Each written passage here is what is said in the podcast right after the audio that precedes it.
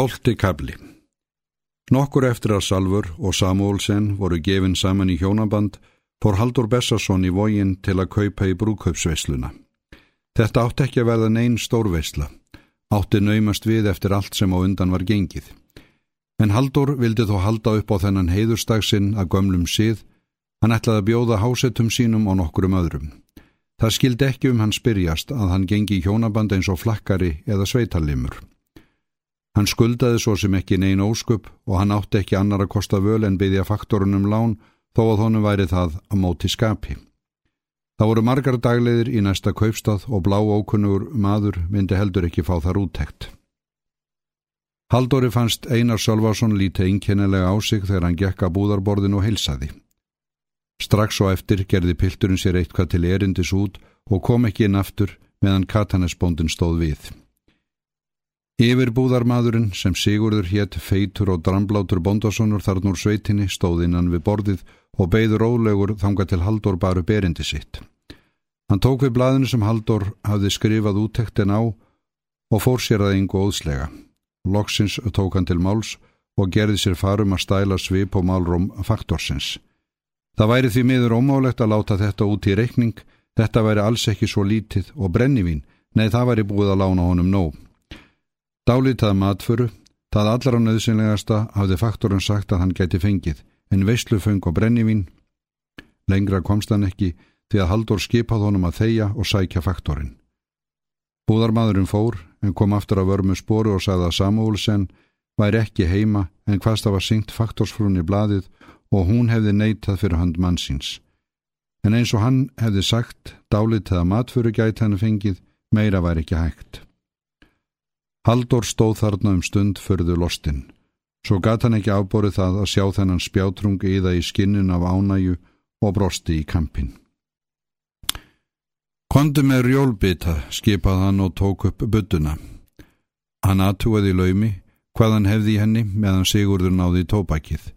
Mátti alls ekki missa þessa peninga því hann átti óborgað útsvar og sitt hvað fleira. Þetta var heldur ekki stór upphæð en hún myndi samt næja fyrir brennivinnu og því nöðsynlegasta í fámenna vestlu. Hann erði vist að láta sér næja að bjóða Jóni í díavögg og Hannesi langbrók og svo auðvitað konum þeirra á kriplingnum. Þetta gæti þó alltjent kallast brúköpsveisla eins og líka allt var í pottin búið. Og það var bara því skemmtilegra sem gestirnir voru færri.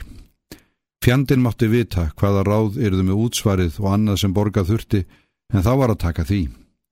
Brúðkaupsveislan skildi haldinn á Katanesi. Búðarlokan og hitt hiskið í sveitinni skildi hafa einhverju öðru að hlæjað en að hún færist fyrir. Tíu potta brennivíni skipaðan stuttur í spuna þegar búðarmadurinn kom með tópakið. Sigurður vissi ekki hvaðan á sig stóð veðrið fyrst í stað en fór svo að láta á kútin sem Haldur hafði rétt honum yfir búðarborðið. Svipurinn og katanesbondanum bendi ekki til þess að hann myndi sætta sig við neinar vívilengjur. Á heimleiðinni rann upp fyrir haldóri hvaða afleiðingar þessi nýbreytni hjá vesluninni gæti haft fyrir hann. Honum rann ósjálfrátt kallt vatn millir skins og hörunds þegar honum varð um það hugsað hversu faktorarnir drottnuði yfir hag og velferð almennings. Hvað myndi taka við þegar hann erði að kaupa byrðir af veidarfærum og matföru í vertíðarbyrjun? Ef Salfur hafði afráðið að sína honum í tvo heimana, þá var þetta auksínilega allt of ójab leikur. Og þegar hann gekk heim götuslóðuna skinnjaði hann kvíðakjand á lamandi tilfinningu einmannleikans. Sannarlega elskaði hann Marju og þráði ákaft og þessari stundu að taka hann í faðmsér. En þó að hann nýtti nú þessarar konu, sem hann hafði lagt svo mikið í sölurnar fyrir og þráð svo heitt, kom stundum yfir hann undarleg og kvíðablandin angurvarð sem kvorki var hægt að skýra hann í skilja. Hann reyndi jafnan að telli sér trúum að hún væri sprottin af hríðin og bligðuninni vegna framkomi sinnar en það stóðaði engan veginn til fullnustu. Höggið sem Salfur greitu honum þegar hún fór og hann bara enn ör eftir hafði orðu honum mikill hugarléttir og dreyið úr sektartilfinningu hans. Nú skinnjaði hann þetta sama, hann fann ekki til minnstu óvildar í garð hennar út af því sem hún hafði gert honum í mót. Forföður hans mátt ekki vamsitt vita í neinu og honu var skilduræknin í blóðborin. Það var hverju manni holdt að gjalda þess sem hann hafði af sér brotið. En það var líka eitthvað annað sem sótti að honum, einhver ný tilfinning sem skaut honum skelk í bringu. Hann vissi ekki hver hún var, en hún raskaði yðurlega ró hans. Marja kom á mótu honum út á tún, hún var alvarlega eins og ávalt en gleðin ljómaða barslegu smáfríðu andliti hennar. Þá glemdi hann í svip öllu mótlæti, hann tók hann í faðm sér, kisti rósuröðar votar varir hennar og snýrist í ring með hann í fanginu. Svo bar hann brúði sín á handlegnum inn í bæ. Næsta haust seldi Haldur Bessarsson Jóni í díavög halvan bátsinn til að geta gert hann út á vetravertíðinni. Samuelsen var þá farin til útlanda á sand konun sinni en yfirbúðarmadurinn hafi fengið ströng fyrirmæli sem hann hlíti af augljósir í gleði. Haldur fekk lítið sem ekkert lánað. Hann hafi neðist til að taka út í versluninni alla matföru til sumarsins og það þurfti mikið til heimilisins á Katanesi eftir að nýja húsmóðurinn tók þar við völdum. Um haustið gatt hann selt nokkrar kindur og lagt andverði þeirra inn en samt var skuldin mikil. Hann huggaði sig við það að hagur hans myndi vankast á vertíðinni. Mótlætið fekk meira á hann en hann vildi vera láta en samt mistaði hann ekki móðin og var skrafreifur og ómyrkur í máli eins og áður. Samuelsen kom heim næsta vor en Salvörd valdist í Danmörku fram á haust. Þá kom hún heim með ungbarn, dreng, sem þegar var búið að skýra og hétt Ragnar. Fólk stakk saman nefjum um barnið en orðrómurinn fór lágt og hljóðnaði fljótlega. Sumar konurnar sem fengi að sjá drengin sögða hann líktist mest móður sinni en hefði líka svipa faktornum og það léttu allir sér vel líka. Þá var Haldur Bessarsson einni orðin fadir. Maria hefði eignast stort og fallegt meibarnum vorið og var það skýrt Guðrún eftir ömmu Haldurs. Ennfremur hafði hjónunum í díavög fæð stóttir sem Jón Jónsson let skýra yngu. Honum virtist þykja væntum barnið og þess varði í yngu vart að draumar hans um myndarlegan són hefði brúðist. Ólöf í koti, ekki ávalda heitins, hafði orði móðir vetur en áður. Hún let barð sitt heita fríðu.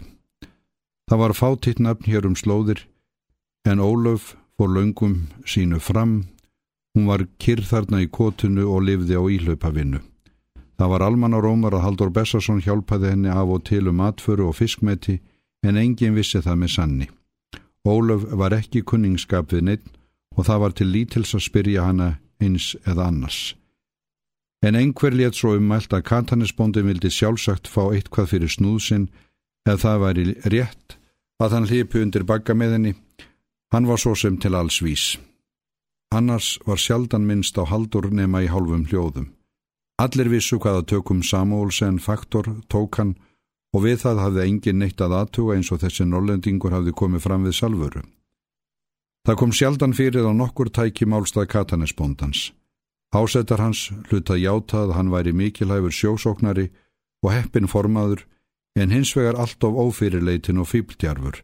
Það væri blátt áfram að freysta Guðs að fara ráði sínu eins og hann gerði oft á tíðum. Þegar róðrar byrjuðu veturinn eftir að haldur kventist, hófu hásetarnir samblástur gegn honum. Brandur í leiru og bjarni í lóni komu til Jóns í díavög og spurðu hann umbúða laust hvort hann ætlaði ekki að kaupa sér bát því að þá vildu þeir gjarna ráða sig hjá honum. Þeir sögðust ekki vera neitt ginnkeftir fyrir að róa hjá þessu aðskota dýri á Katanesi og fengi haldur kvorki þá nýja jón. Þá tækist honum naumast að manna bátinn úr sveitinni eða nágrenninu. En Jóni Díavögg var sjálfun sér líkur, hægur og stiltur eins og endranær, hvaðst vera ráðinn hjá haldóri og ekki vilja ráðleika þeim að breyta til. Katanesbáturinn væri happafleita, sagði hann, og haldór auk þess þölvanur sjómaður og dugnaðar forkur.